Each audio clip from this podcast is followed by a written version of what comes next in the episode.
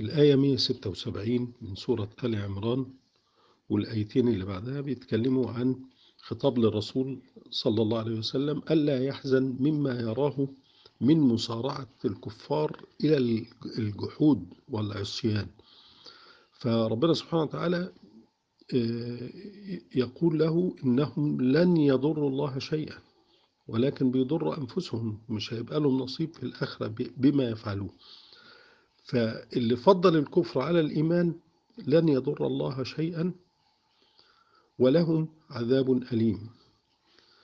فلا يحسبوا هؤلاء الكفار لا يحسب هؤلاء الكفار يعني إن ربنا تاركهم في الدنيا كده يعني ده خير. يطيل لهم أعمارهم يملي لهم يعني يطيل أعمارهم ويرزقهم بأموال وكده. فلا يحسبن الذين كفروا أنما نملي لهم خير لأنفسهم. مش خير لهم إنما نملي لهم نمهلهم ليزدادوا إثما ولهم عذاب مهين.